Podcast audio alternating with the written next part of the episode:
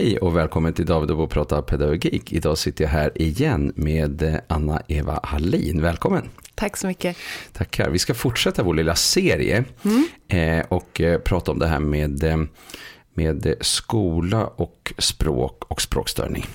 Yes. Och även kring, lite kring logopeders roll eftersom mm. det är ju en grupp som har ökat ju i, i antal i Sverige. Mm. det nämnde du tidigare också. Eh, om vi börjar så här, hur kan det ställa till det med språkstörning i skolan? Språkstörning har en ganska eh, så genomgående, eller riskerar att ha en ganska genomgående påverkan i skolan på egentligen alla olika ämnen. Eftersom språk är vårt viktigaste verktyg för lärande. Mm.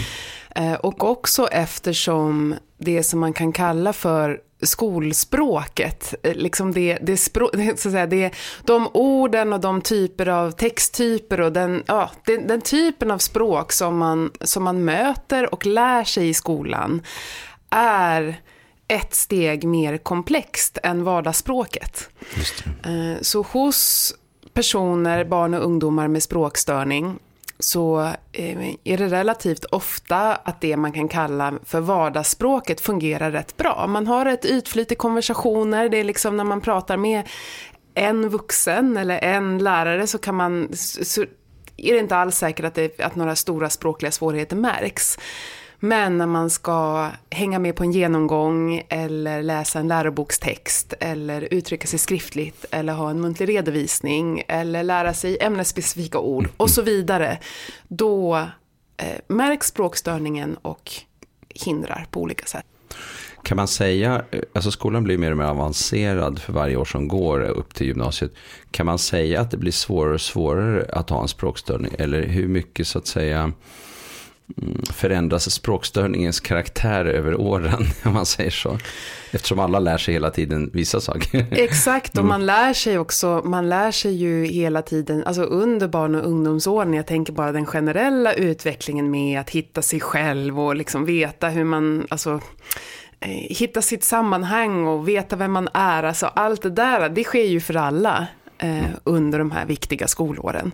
Eh, det är egentligen enormt att man både gör det och ska gå heltid i skolan och lära sig allting Just. som man ska göra samtidigt. Mm. Liksom. Har man en... Eh, så det är som två saker som händer samtidigt. Precis som du säger så ökar de språkliga kraven. Det här gör också att ibland så är det inte så att en språkstörning riktigt upptäcks eller märks förrän efter ett antal år i skolan. Nej, det. det kanske är alltså ganska ofta vid stadiebyten till exempel när det kanske blir ett, ett hopp till i liksom självständigt inlärande, textmängderna ökar, eh, man förväntas sitta och ta anteckningar själv. Eh, den typen av, av liksom ökande krav som kan göra att språkstörningen syns. Men precis som du säger så man utvecklar ju fortfarande sitt språk om man har en språkstörning och det som också händer är att man med åren hittar bättre och bättre strategier. Det här gäller ju också all, alltså alla barn och ungdomar, att man liksom utvecklar exekutiva funktioner och hittar, men hur lär jag mig bäst, eller hur kan jag göra, eller vad är en, en bra strategi för det här? Så att, så att där kan det ju, i bästa fall så är det ju en matchning mellan kraven som ställs, kunskaperna och de strategier man hittar. Men här är det ju så att många elever med språkstörning hamnar i det som ibland kallas för språklig sårbarhet. Mm. Så man, man man klarar inte av att nå upp till kraven i en viss situation eller ämne eller lärsituation. Just det. Om vi bryter ner eh, språkstörning i lite olika delar, vad är det för olika eh, saker som är betydelsefulla eh, och som så att säga finns med i skolans värld? Eh, vi har grammatik, ordförråd, alltså det är olika mm. saker, men, mm. men det förståelse. Kan du säga något om det? Jag tror, alltså för, återigen, är, personer med språkstörning är, är olika mm. och det finns olika styrkor och utmaningar hos en person och också som sagt olikt välutvecklade strategier och, och sätt man har hittat. Men för, och så att jag kan ju säga för många personer med språkstörning, men det betyder inte att det gäller precis Nej. alla. Men för många barn och ungdomar med språkstörning i skolåldern så är det, eh, blir det en extra utmaning med uppgifter inom läsning och skrivning. Mm. och då pratar jag egentligen inte om den tekniska delen av skrivning, alltså avkodningen och, och stavningen, det kommer vi kanske prata om lite ja. mer om sen, mm. utan, utan mer om själva språket mm. i de här uppgifterna. För vi kan vara ganska förlåtande i muntligt prat. Vi kan tveka, formulera om och säga lite fel, få fram vårt budskap ändå. När man skriver till exempel, då är det mycket högre krav på eh, att vara korrekt, välja rätt ord, grammatik, struktur, röd tråd, liksom hela den biten. Det är ofta en utmaning. Mm. Och på samma sätt när man ska läsa texter och förstå dem, i lärobokstexter och även i skönlitteratur, så kommer det många nya ord. Det är ofta mer komplex grammatik och det är många olika typer av texter. Alltså till exempel eh, alltså argumenterande texter eller beskrivande, förklarande texter. Mm. En annan sak som många eh, lite äldre barn och ungdomar med mm. språkstörning kan ha svårt med är det här att, att liksom fånga det jag brukar kalla för finliret i språket. Eh, till exempel läsa mellan raderna, förstå tonfall, förstå mm skämt, ehm, det som kallas för inferenser, alltså det som inte är helt utsagt. Ehm, så det är, väldigt, det är väldigt vanligt och då kanske vissa tänker sig men det där kanske låter lite mer som typiskt för autism. Mm, det här att det inte det. liksom det är mm. bildspråk och sådär. Men i fallet språkstörning så är det snarast en, det är liksom en konsekvens av att man inte har den här mer automatiska mm. bearbetningen av språket. Så man måste liksom ge så mycket energi till det utsagda och liksom försöka förstå huvudbudskapet. Att de här nyanserna och finliret kanske går lite förlorade. Det. Och det här är ju förmågor som också under skolåren Absolut i skolämnen och i texter och sånt som man läser. Men även i det här sociala samspelet, snacket med kompisarna. Och där eh, kan det ju lätt bli missförstånd och att man inte, att man liksom inte eh, som en följd av sin språkstörning kan riske, har en högre risk att få eh, liksom svårigheter med kompisar och nära relationer på grund av det här. Det. Språket är ju verkligen kärnan där och då tänker jag att det också påverkar eh, kanske mående, självförtroende, självkänsla, hela den biten också förstås i detta. Absolut, och det, det som man ser, eh, det som man ser om man tittar på gruppnivå i studier är ju att det finns en högre risk både att eh, att bli utsatt för liksom, mobbning och, och ret. Eh, men också högre risk för depression och ångest bland gruppen Eh, personer med språkstörning. Så att här finns det ju jätte, det finns ju väldigt många anledningar till att så mycket vi bara kan försöka stötta den här elevgruppen. Um, inte bara för att lyckas liksom akademiskt men också socialt och bygga självförtroende och eh, som jag sa tidigare det här att hjälpa till att hitta strategier. För språkstörningen kommer finnas kvar. Det går inte att träna bort en mm. språkstörning. Mm. Men däremot så kan man hitta olika, olika sätt och olika strategier och ge vissa riktade insatser som underlättar både inlärning och till exempel socialt mm. samspel. Mm. Just det. Just det. Om vi ska gå över lite grann på det här med, med görandet. Mm. Vad kan man som, som, som lärare i klassen göra och vad kan man göra som skola? Mm. Um, om vi börjar med um, läraren, det är ju olika också, olika åldrar och, och allt möjligt och, och, och, kraven ser olika ut också när det gäller olika ämnen om man ser så, så mm. de kommer högre upp i åldrarna och sådär också. Men eh, vi börjar med lite lägre åldrarna, mm. sådär, eh, låg, mellan, där mm. omkring. Eh, vad tänker du är de viktigaste delarna i, och, och viktigaste stödet och viktigaste insatserna? Faktiskt i, alltså man tar precis de första skolåren så skulle jag säga att för elever med språkstörning, det absolut viktigaste är att se till att man knäcker läskoden mm. och, och får läsningen. Mm. För, för alla personer så är det här, precis som jag sa, att, att, att skrivna texter och liksom skriva och läsa är ofta en utmaning.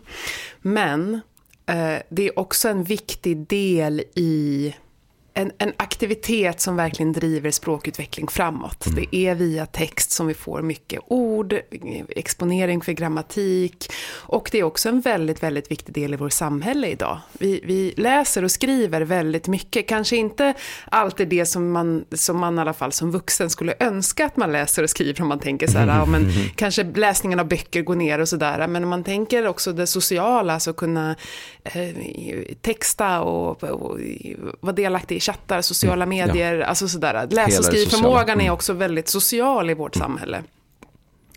Så att, och för många elever med, för många elever som har språkstörning så eh, eh kan det vara lite extra svårt att knäcka läskoden. Just det. Och, och det, tar tid. Det tar lite längre mm. tid mm. och det har att göra med, um, kan vara en följd av att om man har ett mindre ordförråd, vilket är väldigt vanligt mm. om man har en språkstörning.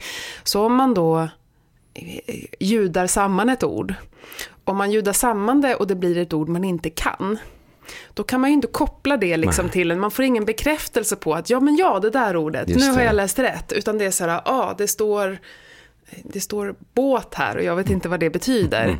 Mm. Eh, och då blir det inte heller det här att man lagrar in den ordbilden tillsammans med betydelsen. Så att ett litet ordförråd kan göra att det tar längre tid att, att liksom arbeta upp ett ordbildsförråd och få flyt i läsningen. Mm, mm.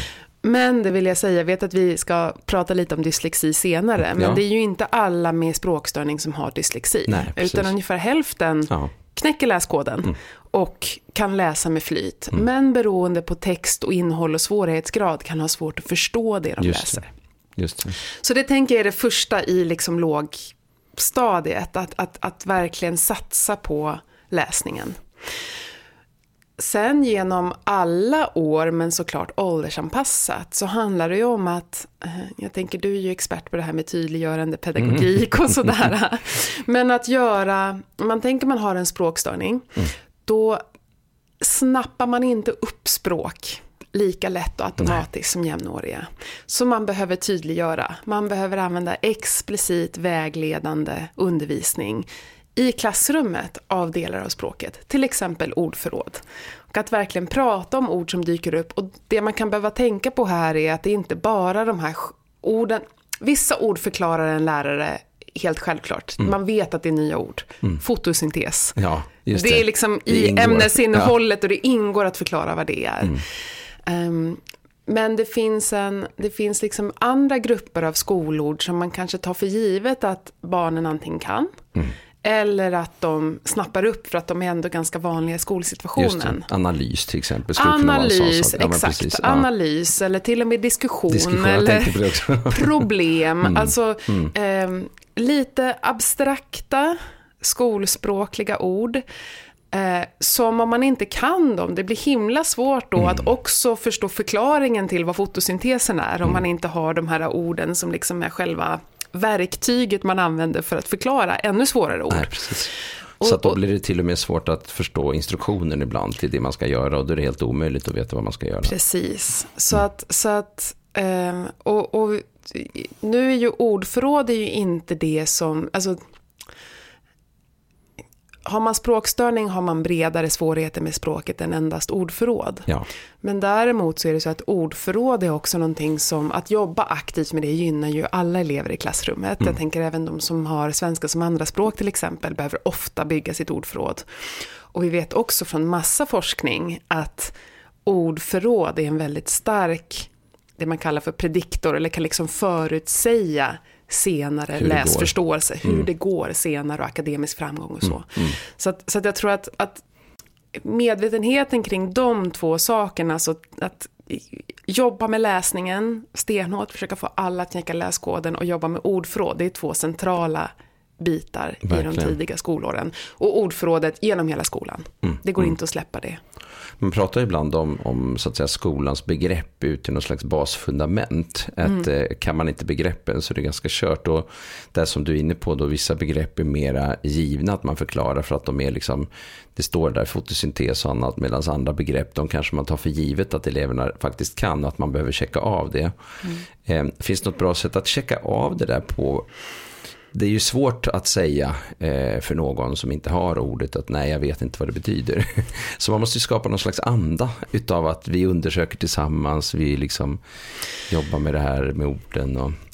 Ja, och det här, det här är intressant att du tar upp det, för att en annan sak som är viktig tror jag för, alltså gynnsamt för alla elevers språkutveckling, men som kan vara extra bra, tänker jag, om man har språkstörning, är att jobba med medvetenhet kring språket. Och det gäller dels språklig, det vi kallar för språklig medvetenhet. Det är till exempel, där ingår det här att, att lyssna efter vilka ljud som finns i ord, vad rimmar, vilka delar finns i ord, vad händer om vi tar bort en del, vad finns kvar, hur ändras betydelsen, liksom allt det där att prata om språket och inte bara använda språket när vi pratar det. Men också det här med strategier, att liksom övervaka sin egen förståelse. Att till exempel ha ett gäng sådana här viktiga ord och låta eleverna kanske i grupper eh, ranka, men det här, det, här ordet, men det här ordet kan jag, det kan jag förklara. Det här ordet känner jag igen men jag vet inte och det här kan jag inte alls. Och, och, träna på att fundera på, men kan jag det här? Mm. Förstår jag det här? Och en sån övning som man kan göra eh, blir ju inget test, men en lite mer informell koll. Det, det, blir ju två syften då. Dels att man får eleverna att reflektera och, och, prata med varandra om ord, om man börjar lyfta ord. Men också att man kan få en översikt. Okej, okay, vilka, vilken liten grupp här var det där det var väldigt många ord som faktiskt låg på röd eller gul. Eh, om, man gör, om, man, om man gör en sån typ. Mm, ja. eh, så att det, för att, för att jobba med många elever, barn och ungdom med med språkstörning är så pass vana att inte förstå allt. Nej. Eh, man kan ju säga så här, men du får räcka upp handen om du inte ja, förstår. Precis, men om det är varannan mening nej. som man inte riktigt förstår, då räcker man inte upp handen. Räcker man inte upp handen. Mm. och också att man kan ha strategier som handlar om att man Eh, istället eh, liksom alltid svara jag vet inte för man hittar inte orden eller nicka och le och snegla på en kompis, hur gör de? Ehm, alltså hitta strategier för att det blir ju, det blir ju jätteansträngande att inte förstå. Det här är ju en sak med språkstörning som är svårt för oss med liksom typiskt fungerande språk, att liksom förstå hur det kan vara mm. på ens modersmål. Just det. Jag, när jag pratar med lärare till exempel, brukar ibland ta liknelsen, att men tänker att ni drar fram er skolfranska från 20 år sedan och så, kommer ni till Frankrike. Och så, så ska ni eh, liksom beställa en baguette i ett bageri eller så. Eh, och så gör ni det på det knackiga franska och, och de förstår och ni tänker yes, fantastiskt liksom. Och sen så får ni växel eller vad det är. Och sen kommer en fråga typ, jaha, var är ni ifrån? Du kan svara på den också. Och sen sätter den här personen igång och prata. Um, så att det har liksom gått bra en stund och man mm. känner sig himla nöjd. Och när den där personen sätter igång och pratar på franska, då blir det ju lätt den här känslan att vänta, oj, där var ett ord jag förstod, och där, vänta, vänta, och där. Men det är en ström av ord som liksom inte riktigt går att värja sig mot och det är svårt att få en helhet i det. Nej. Även om man var ganska bra på franska. Just det, och det betyder ju också att så länge man själv har kontrollen, det är jag som köper baguetten, det är liksom små, det, jag har kontrollen, men så fort den andra börjar köra på sitt sätt, liksom, eh, med hela sin svada, då är det kört.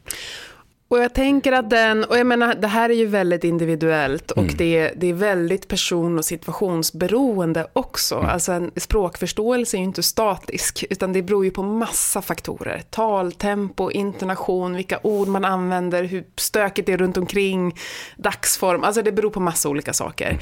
Men jag tänker att, att sätta sig in i den där andra språksituationen kan i alla fall få oss att förstå lite grann hur otroligt ansträngande det till exempel kan vara och sitta och lyssna på en genomgång. Mm. Där man förstår en del, men inte allt och det är svårt mm. att få en helhet och man kanske missförstår vissa delar. Mm. Och jag tror att vi som vuxna som möter elever i skolan med språkstörning, vi, vi måste försöka förstå, även om det är svårt, försöka sätta oss in i hur det är. Eh, för det här är ju också, en, av den här anledningen är det här en grupp som också ofta är väldigt trötta. Mm. Det är väldigt ansträngande allt är språk i skolan. Verkligen. Ehm, jag hade en, en, en mamma som eh, kom upp till mig efter en, en föreläsning och sa, men min dotter har språkstörning. Och så beskrev hon, men det här, det här du sa om trötthet, hon har inte velat ha några aktiviteter hela Nej. grundskolan. Vi har Nej. försökt att få henne att börja Mm. på dans eller fotboll eller någonting Mm. sådär. Men hon kommer hem och är Helt så slut. Mm. trött att hon bara vill vila. Och så har det varit i hela grundskolan. Och det blir en illustration på hur ansträngande det faktiskt kan vara. Otroligt, ja. Jag tänkte på en annan sak som eh, ju handlar om det här med läromedel. Det har varit mycket diskussioner om det och eh, det har varit uppe liksom på hög nivå politiskt och, eh, och det finns liksom kampanjer för det här. Eh, för det saknas ju mycket läromedel på många håll. Eh, eh, läromedelsförfattare är ju liksom eh, drivna på att försöka göra det begripligt med hjälp av till exempel bilder och på andra sätt. Eh, eh, vad händer då när man så att säga ska söka information själv? För det är ju det som händer ibland istället då när man inte har. Eh, men kolla på nätet, googla liksom. Det här gäller ju inte bara elever med språkstörning Verkligen tänker inte. jag. Alltså, det finns ju och beror på vilket ämne och vilket syfte Mm. och hur uppgiften ser ut och hur mycket stöd man får och sådär. Men jag, jag tror att den här läromedelsbristen är att inte ha sina egna böcker. Och jag tror ändå här också, jag, jag är absolut ingen motståndare till liksom digitala media. Och det finns vissa saker i digitala läromedel som kan vara utmärkt för elever med språkstörning. Verkligen. Till exempel små korta filmer som liksom kan visa någonting som rör sig istället för bara det statiska. Att kunna få fördjupnings, lätt hitta fördjupningsdelar och, och liksom få, få, få någonting förklarat på flera sätt och så. Så att det finns fördelar. Och uppläst lätt. Och uppläst lätt eh, om man har avkodningssvårigheter eller, och behöver det stödet. Eh, Men jag tänker också att det som man i en, i en bok kan få är ju också det här att liksom ha Dels för alla elever fritt från andra distraktioner. Man sitter inte på en dator eller en padda som också innehåller massa andra saker. Och här tycker jag att vi bara kan gå till oss själva. Hur, himla, hur vanligt är det inte, även om vi liksom ska kolla banksaldot på vår telefon, att vi istället fastnar i någonting, någon notis om någon artikel eller sociala medier och sånt där. Vi är ju så.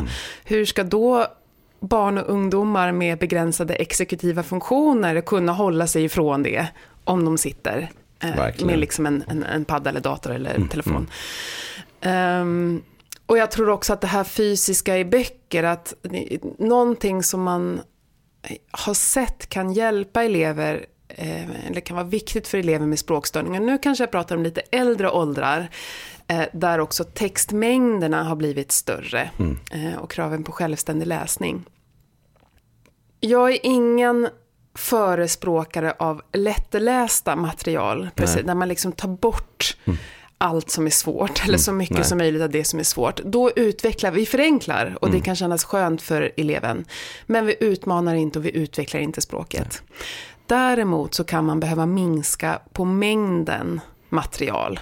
Och en fysisk bok där man faktiskt, helst en egen, där, man kan liksom, kan, där läraren tillsammans med eleven kan sätta kryss över de stycken som faktiskt inte är centrala. Det. Det kanske är en jättefin liten berättelse om någon på vikingatiden som sätter saker i en kontext, men det var inte det som var det viktiga eh, som man behövde lära nu. Då kan man sätta en parentes kring det, eller faktiskt göra, anpassa materialets mängd. Och det tänker jag är, är svårare med ett digitalt läromedel, för man har inte samma överblick och liksom samma möjlighet att bläddra fram och tillbaka Nej. och sådär. Och en sån typ av insats är för många helt nödvändig. Annars finns det stor risk att det blir att man inte läser alls. För det är så oöverstigligt mycket att det bara blir att man, men då, kan, det här är helt omöjligt. Nej, och det som skulle kunna hända då det är att eh, om vi tänker oss att det finns läromedel och, och, och så vidare.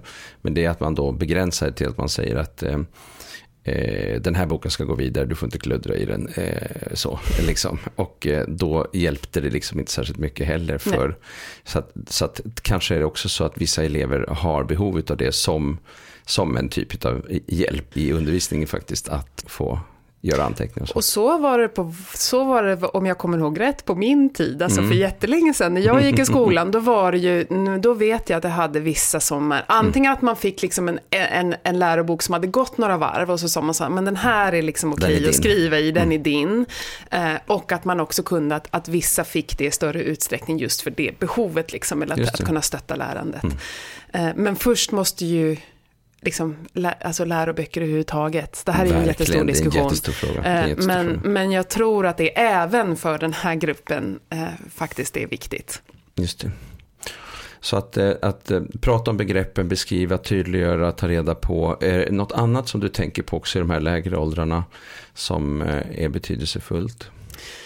Få redan, redan när man börjar med eh, liksom, börja skriva egna texter mm. och sådär. Återigen, jag, jag det skriver jag mycket i min bok också, det här med, med just explicit undervisning. Ja. Alltså mm. Alltså att, att, eh, att vägleda, liksom inte bara inte bara förutsätta att eleverna, men nu ska du skriva en berättelse och sen ska de göra det.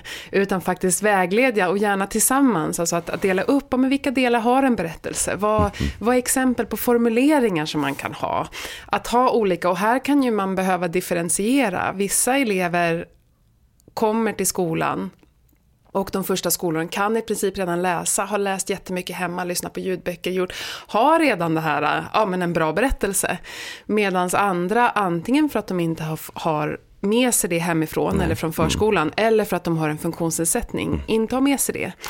Och då det här att, eh, det finns ju en, en, eh, en metod som um, från början är utvecklat just för personer med, i det här fallet då, engelska som andraspråk, eh, eller andraspråksinlärare, som heter genrepedagogik, som handlar just om att man i, eh, i helklass eh, går igenom om det finns olika texttyper. Så till exempel berättande, man har exempeltexter, man plockar isär och man, pra man pratar om språket, man vägleder det och gör det tillsammans. Där sen det sista steget är att nu skriver man en egen en egen text, en egen liten berättelse.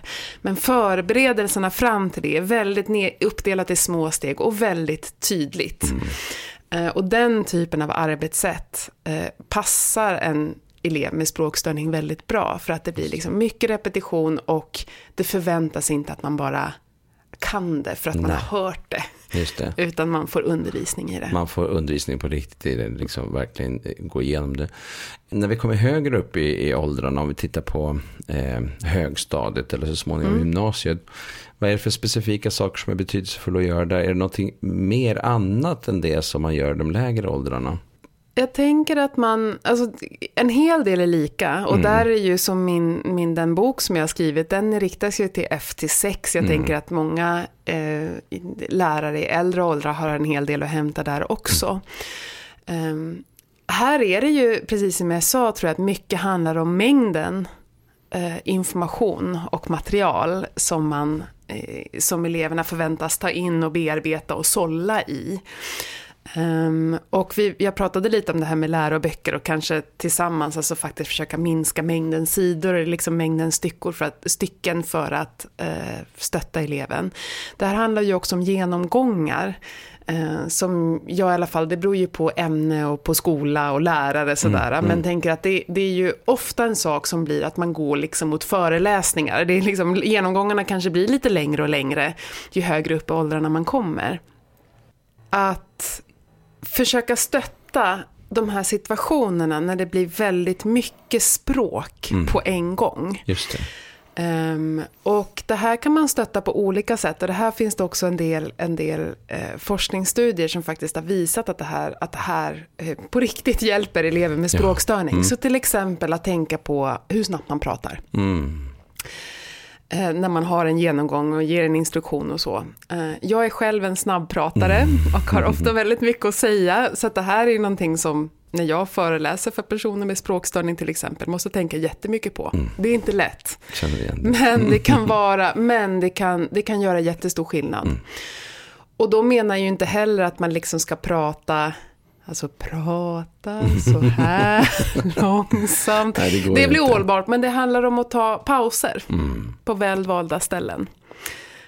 Um, ett knep är att faktiskt gå tillbaka lite mer till det här att skriva på tavla eller whiteboard eller så. Och när man gör det faktiskt vara tyst. Mm. Inte vända sig om och prata samtidigt, utan ta den tid det tar att skriva ner det här nyckelordet eller begreppet man precis pratade om.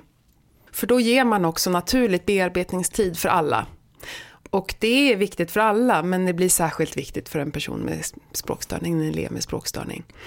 Eh, det här eh, powerpoint där man liksom bara klickar fram bilder, det går ju att mata på med otroligt mycket mm. information samtidigt. Mm. Um, så, att, så, att, så att Det är en sak att tänka på. Det andra är ju att använda, att stötta den här strömmen av prat med olika typer av visuella stöd. Um, så att det inte, och det handlar ju om att ge någonting annat, så prat är ju väldigt flyktigt. Vi säger något och det är direkt borta, liksom, det har försvunnit direkt. Uh, medans till exempel text då, det är också därför det blir så viktigt att lära sig att, att liksom automatisera avkodningen. För, för text är ju något av det bästa visuella stöd vi har. Det finns kvar, det kan man läsa mm. igen. Mm. Stödord, välvalda bilder, ibland kan man också använda symboler för att liksom påminna sig om vad begrepp betyder. Korta videofilmer, experiment, det som passar i ämnet. Det är inte det här, jag använder, försöker alltid använda begreppet visuellt stöd för att mm. betona, ibland säger man ju bildstöd. Men då associerar man ju till kanske till specifika bilder, bilder ja. eller symboler. Och det här handlar inte om specifika bilder eller symboler, det handlar om att ha ett annat medium som finns kvar, som inte är prat. För att stötta förståelse och inlärning. Precis. Eh, så det kommer skilja sig. Och det, det är nog lite personligt utifrån läraren också, vad, liksom hur, vad som passar med ens stil av undervisning. Men tempo, visuellt stöd i genomgångar och när man ger instruktioner då får man gärna förenkla. Mm. Jag sa det innan, just att jag hade tyckt att man ska Nej, förenkla och sådär. Mm. Men just när man ger en instruktion får jättegärna vara superkort, uppdelade delar, uppskriven, liksom otvetydig. Visuell. visuell mm. eh, ta bort de svåra orden därifrån. Alltså, i, för där handlar det om att alla ska fatta vad de ska göra. Sen får själva lärmaterialet, ämnet, stoffet, där ska vi istället stötta, inte ta bort, utan stötta på mm. olika mm. sätt. Men instruktionerna får man gärna göra så enkla som man bara kan. Just det. Just det. Ja, eh, jag tänker att vi rör oss uppåt. Eh, vi har varit eh, upp en del, men vi har ju också vuxna personer med språkstörning mm. som eh, till exempel pluggar studera på, eh, ja, det finns ju så vansinnig bredd när det gäller vuxenutbildning.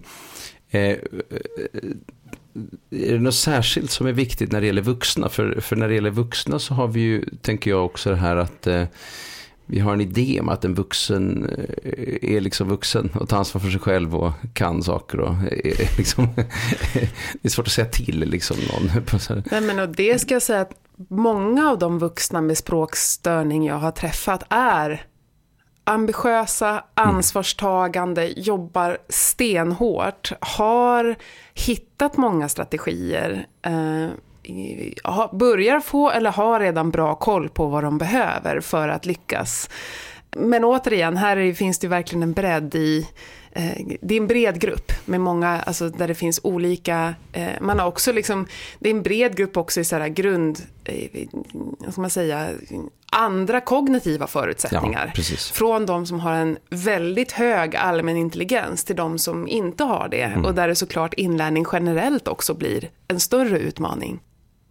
Många som jag har träffat, och det här gäller även när man tittar på litteraturen, menar ju att grundskolan och gymnasiet eh, är det mest utmanande mm. om man har språkstörning. Mm. Och sen både arbetsliv och universitetsutbildning eller, eller andra typer mm. av vuxenutbildningar, att det är faktiskt på vissa sätt är enklare. Och där tror jag att det finns flera anledningar till det. Ett är att man, att man är äldre och man mm. har hittat strategier ja. och mm. man har utvecklat. Det andra är att beroende på utbildning såklart, men att det är ganska sällan är det här att man sitter hela dagen. Nej. Man kan mer lägga upp det själv. Eh, nu dessutom, och, och det finns också faktiskt ett mer, tänker alla universitet till exempel har ju olika funktionsnedsättningssamordnare. Ja, där man kan få olika typer av stöd. Mm, man mm. kan få en note-taker, alltså någon som tar anteckningar åt en. Man kan eh, få förlängd tid, man kan få på prov och examinationer och sådär. Det finns ganska mycket faktiskt. Det finns ganska håll. mycket mm. och det är ganska lätt att få tillgång till det. Eh, om man har papper med sig. Ja, man måste precis. ju ha en dokumenterad funktionsnedsättning då. Eh, och, och eh, beroende på vilken skola man har gått i innan så kan det till och med upplevas som att det faktiskt är lättare att få stöd på universitetet än mm. vad det var i gymnasiet och grundskolan. Vilket är jättemärkligt. Jättemärkligt, jätteolyckligt. Eh, mm, men en upplevd verklighet för ganska många. Um. Jag tänker också att man ehm, ju ofta när man läser högre upp i ålder, åldersmässigt högre upp, är ju att man är mycket mer fokuserad på ett ämne eller en sak i taget. Så att sammanhanget blir bättre. Däremot så kan ju eh, skrivandet bli en jätteutmaning för en del. Eh, beroende på om det är väldigt skrivintensiv typ av utbildning. Så matchningen är betydelsefull. Absolut, och liksom att, att skrivande tänker jag, det är jag som jobbar på universitetet. Mm. Jag menar det här med akademisk skrivare är någonting som väldigt många studenter idag har svårt med. Absolut. Hänger säkert samman med eh, också kanske minskat läsande. Eh, för att bli att liksom bli en, en, skrivande person behöver man också läsa mycket av den typen av texter. Um, finns, det är en annan diskussion, men, ja. men jag tror att det är många som, som kämpar med skrivandet. Men precis ja. som du säger, det är, blir ju eh, också, man, man, man väljer vad man studerar utifrån intresseområde, förhoppningsvis. Mm. Så att det finns en motivation där. Det finns liksom det här, nu ska jag bli det här eller få den här examen. Eh, det är mer koncentrerat på ett ämne som man liksom får grotta ner sig i och på något sätt man lär sig den begreppsapparaten och man har hittat strategier. Mm. Men det är ju fortfarande så att den här gruppen personer behöver stöd. Mm. Um, och och uh, som jag tror att vi nämnde när vi såg sist, det här att, att vi, håll, vi är ju fortfarande i fasen i Sverige i alla fall att liksom kunskapen om språkstörning håller på att öka. Uh, vi är liksom mitt inne i det här att folk börjar veta att det finns och, och, och vad det innebär och så. Uh, genom skolåren och jag tror vi fortfarande har en bit att gå om vi pratar vuxenutbildning och vuxna med språkstörning. Vad, vad det är och vad det får för konsekvenser och vilket stöd behöver den här gruppen med personer. Jag tänker att det är kopplat eh, också till, eh, till när man så att säga började ägna sig tillräckligt mycket åt frågan. Mm. Tittar vi på ADHD-området så pratar vi om ADHD hos vuxna, men ADHD har vi pratat om längre eh, också eh, än eh, språkstörning i, i, i, den, i den breda bemärkelsen. Att det är en sån stor grupp. Verkligen, och också att man, att man länge tänkte att, just för att det inte mm. märks, att man länge tänkte att men det här är någonting som vi ser hos barn, mm. men sen, eh, sen växer man från det. Ja, alltså att man mer tänkte det som en språkförsening. Mm. Eh, och det än... fanns en hel del sådana tankar när det gäller ADHD också. Mm. Men så småningom blir ju de där personerna som har blivit diagnostiserade, plötsligt så är de 20 och sen är de 40. Och då har det skett någonting annat i samhället. Mm. Så att, eh, så att den resan ser man ju framför sig när det gäller just språkstörning också. Verkligen. Att vi, att vi kommer att få se, om, om 20 år är vi någon helt annanstans än vad vi är idag när det gäller vuxna. Jag hoppas redan om 10 år. Ja, det tror jag. det har nog börjat också. ja, det är bra. Om du tänker på det här med eh, språkstörning och att arbeta systematiskt med det pedagogiska arbetet. Eh, mm. Vad får du för tankar där när det gäller just språkstörning och skolan? Den första tanken jag får är ju att det vore fantastiskt om, om yrkesgruppen logopeder fick fortsätta att växa mm. inom elevhälsan så att man liksom kunde jobba tillsammans, logopeder, specialpedagoger, speciallärare och lärare eh, för att utveckla det språkutvecklande arbetet liksom på skolan tillsammans. Eh, för där tror jag, det är min egen erfarenhet och också liksom om man tittar till, till den forskning som finns, att här, det är verkligen professioner som kompletterar varandra. Eh, och jag tror att den Ja, jag tror att den, det är dream team, alltså den, den kombinationen. Så. Um, en tanke som, som har slagit mig de senaste åren, alltså vi pratar ju mycket mer generellt om det här språk och kunskapsutvecklande arbetssätt Precis. i skolan, liksom är ett mm. begrepp som finns. Det har en del med språkstörning att göra, men det har ju också väldigt mycket med eh, flyktingvågen 2015, det. när det helt mm. plötsligt kom väldigt många mm. som, som behövde lära sig svenska i skolan.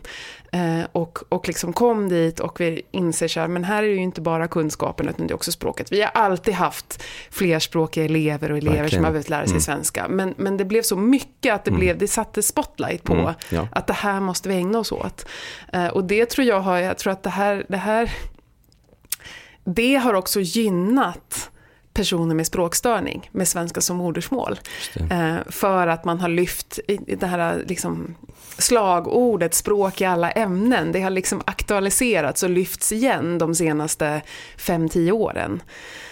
Och jag tror, det kan ju verkligen låta som en klyscha, men jag tror fortfarande att det är språk i alla ämnen och medvetenheten hos lärare, hos från idrottsläraren till matteläraren till hemkunskapsläraren till svenskläraren, samhällskunskapsläraren.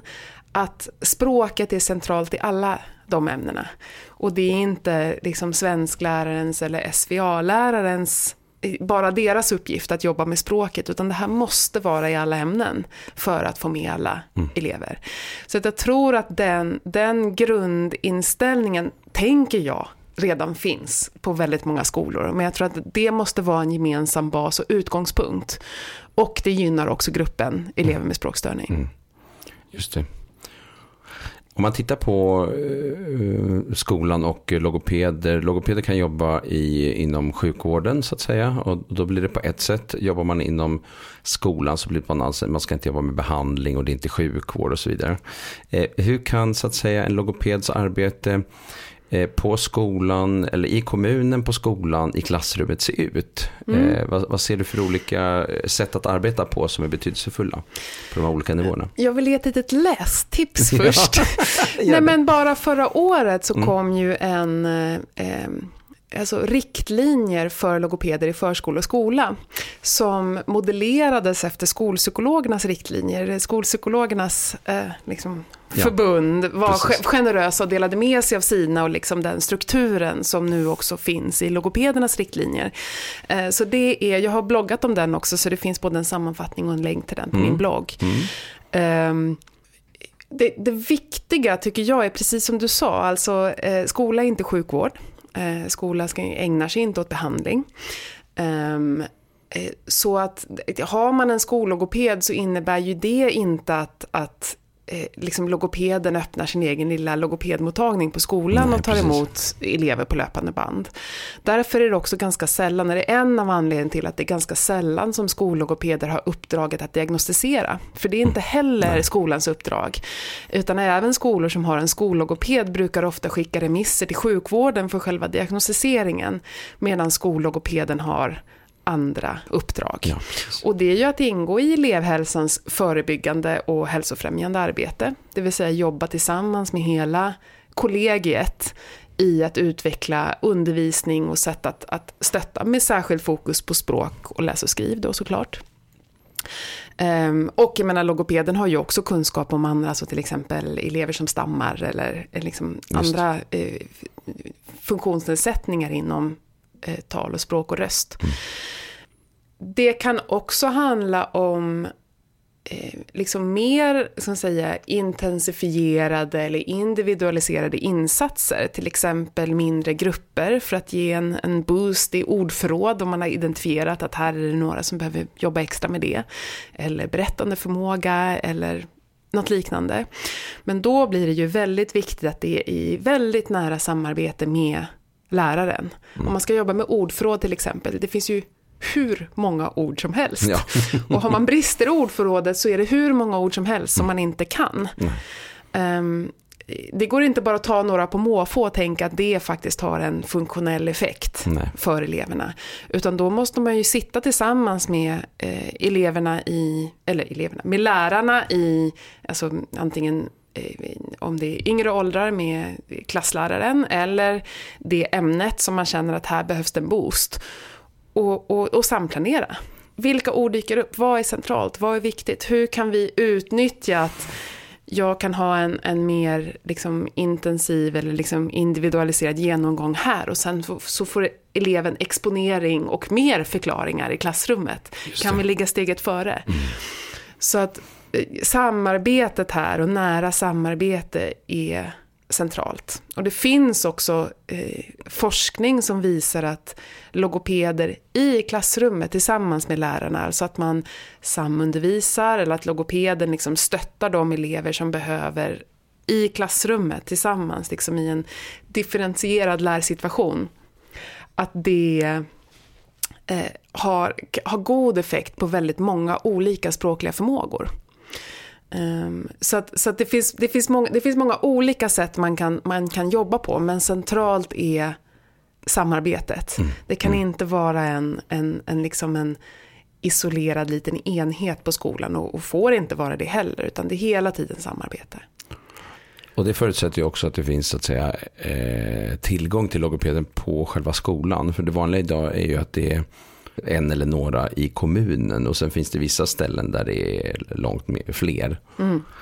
Eh, och då hamnar man ju på ganska långt ifrån så att säga klassrummet kanske om man jobbar. Men det kan ju vara så att man då går ut i klassrummen. Men då får man inte den där spridningen om man är väldigt få i en kommun. Nej, och där kanske det handlar, jag tänker man måste börja någonstans. Ja, jag tänker att en logoped på kommunnivå som kan ge vissa fortbildningsinsatser, mm. vara någon som lärare kan bolla med, mm. vara, alltså så här, det är, det är en, en startpunkt. Mm. Men det räcker, om man tittar på forskning också, det räcker inte med lite handledning då och då för att utveckla, eh, liksom verkligen förändra någonting för elever i klassrummet. Det är liksom, jag som håller på med mycket av den typen av fortbildningsinsatser själv, alltså jag är på konferenser och mm, föreläser ja. och sådär. Jag kan ju ibland känna mig lite hopplös, för om man tittar på mm. forskning så är det här, den här punktinsatsen med mm. en föreläsning som inte följs upp den gör varken till eller från, mm. i de allra flesta fall. Mm. Eh, de som det kan göra skillnad för, för, det är ofta de som redan är duktiga och får bekräftelse att ja, men det jag gör är rätt. Ja, men det var bra, jag tar in det där också. De som kanske verkligen skulle behöva utveckla hela hela, alla sina läraktiviteter i klassrummet. Eh, där kommer det ju inte räcka med en, med en föreläsning, utan då behövs det ju mer långsiktigt, Nej, kollegialt och liksom ja, samarbete. Ja, på bred nivå så ger det inte de effekterna. Men, men just det där att vi, någon person plötsligt också plockar upp ett spår blir inspirerad och kanske gör något mer av det. Där har, där, det kan ju hända förstås, men det blir mer på, på den här nivån att det inte är så på bredden, utan det blir mera enskilda individer. Ja, och det är väl nog så viktigt. Och, och missförstå mig rätt, jag älskar nej, att föreläsa, det är, det är jättekul. Vet, men... Det är samma för mig. Men eh, forskningen är inte, inte uppmuntrande där, nej. utan det är de här processerna och det är därför som vi behöver jobba med processer. Och det gäller ju det här, och då tänker jag, språk kommer man aldrig ifrån i skolan. Det är helt centralt. Eh, mm. Språk, läsa eh, och skriva och så räkna förstås. Mm. Eh, så, så, att, så, så, verkligen superviktigt. Får jag säga en ja. sak där? Du sa läsa och skriva och så la du till räkna. Jag är bara, mm. alltså det här matematik. Ja är ju också språk. Jag vet. Det är väldigt mycket. Uh, ju, verkligen. Ja, alltså, det är väldigt det är mycket problemlösning. Och, problemlösning. Det är också mycket matematiska ja, begrepp man ska mm, ha koll på. Och mycket. även symboler mm. som bara finns i matten, som också har en betydelse. Det är ju Just också det. en sorts språk. Mm. Så att här kan ju, eh, kan ju också elever med språkstörning liksom stöta på hinder i olika, olika stadier. Eh, och det är kanske inte så ofta man tänker på att matte också i språk. Det är språk överallt. Det är överallt. språk överallt. Det är språk överallt. Även i, i både idrotten och i slöjden och i, ja det är precis överallt. Mm. Och det är väldigt, väldigt många begrepp eh, som man ska lära sig. Eh, jag kommer ihåg ehm, eh, listor från min dotters skola med liksom 50 begrepp som man hade under en, en period av några veckor. Som bara skulle sitta liksom. Eh, och jag tänker bara på de som, liksom, där det tar tid att förstå varje begrepp. Det var inga lätta begrepp heller. Och där är det ju också, om, man, om för att koppla på där, är liksom det här med att jobba med begrepp och mm. ordförråd. Alltså det, det kan ju vara ett stöd att veta men det är de här begreppen ska vara. Mm. Typ en gloslista med en liten förklaring. Ja. Men mm. det räcker ju inte för att lära sig begreppet. Mm. Att, att kunna, alltså det här är en filosofisk fråga, när kan man ett ord? det är ju, handlar ju om att bygga nätverk egentligen. Mm. Och koppla ihop det här ordet med annan information man kan och andra relaterade ord. Veta vilket sammanhang man ska använda det i, när, äh, när och hur.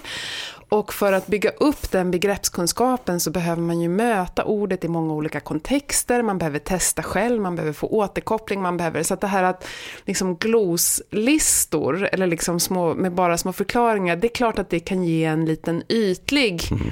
i bästa fall. Eh, men det räcker ju inte för att man måste jobba med begrepp på djupet. Mm. Och det behöver ju in då i den vanliga undervisningen mm. i egentligen i alla ämnen för att verkligen, och det här kan man inte, men hur ska vi ha tid med det? Det finns ju så mycket mm. annat de behöver lära ja. sig. Men har de inte begreppen då kan de då inte lära sig det andra heller. Nej.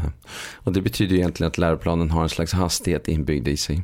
Mm. Eftersom det är fysiskt jättemycket begrepp och eh, det är så många olika ämnen och eh, hastigheten går väldigt olika snabbt när det gäller att lära sig mm. eh, olika begrepp. Mm. Mm. Något sista som du tänker, liksom, om du fick tänka så här äh, fritt, äh, du sa förut, ja, men fler logopeder i, i, i skolan. Eh, är det några andra saker som du känner, det här, om tio år skulle vi ha kommit, borde vi ha kommit hit? Nej men det är just, om, om tio år så hoppas jag att det är, alltså helst skulle jag vilja se att, att logopeder, eh, precis som nu har förtydligat skrivningen i, i skollagen om, om speciallärare och specialpedagoger som obligatorisk del av elevhälsan. Men allra helst så skulle jag vilja se om tio år att, att logopeder stod med där också. Det vore mm. fantastiskt. Jag tror att det skulle, jag tror att det skulle gynna eh, stora grupper med elever och även alltså, skolor, alltså det samarbetet liksom, alltså den, den, det utbytet man kan få av varandra. Jag hoppas också att, att språkstörning, alltså att, att den här kunskapen som vi har börjat bygga upp och som du säger, vi ligger liksom steget efter ADHD och autism, eh, tänker jag. Men mm. det här att, att, att det fortsätter, att, att, det, att det, kunskapen fortsätter att byggas upp, att det liksom inte längre är någonting man alltid behöver förklara. Mm. Om man säger jag har språkstörning eller jag har DLD, om man väljer det engelska begreppet, att det liksom är eh, Developmental language, language disorder. disorder. Precis. Um, att det ja, att kunskapen har ökat. Jag tänker att det gäller ju både oss som jobbar med det här, men även en, en, en person som själv har språkstörning.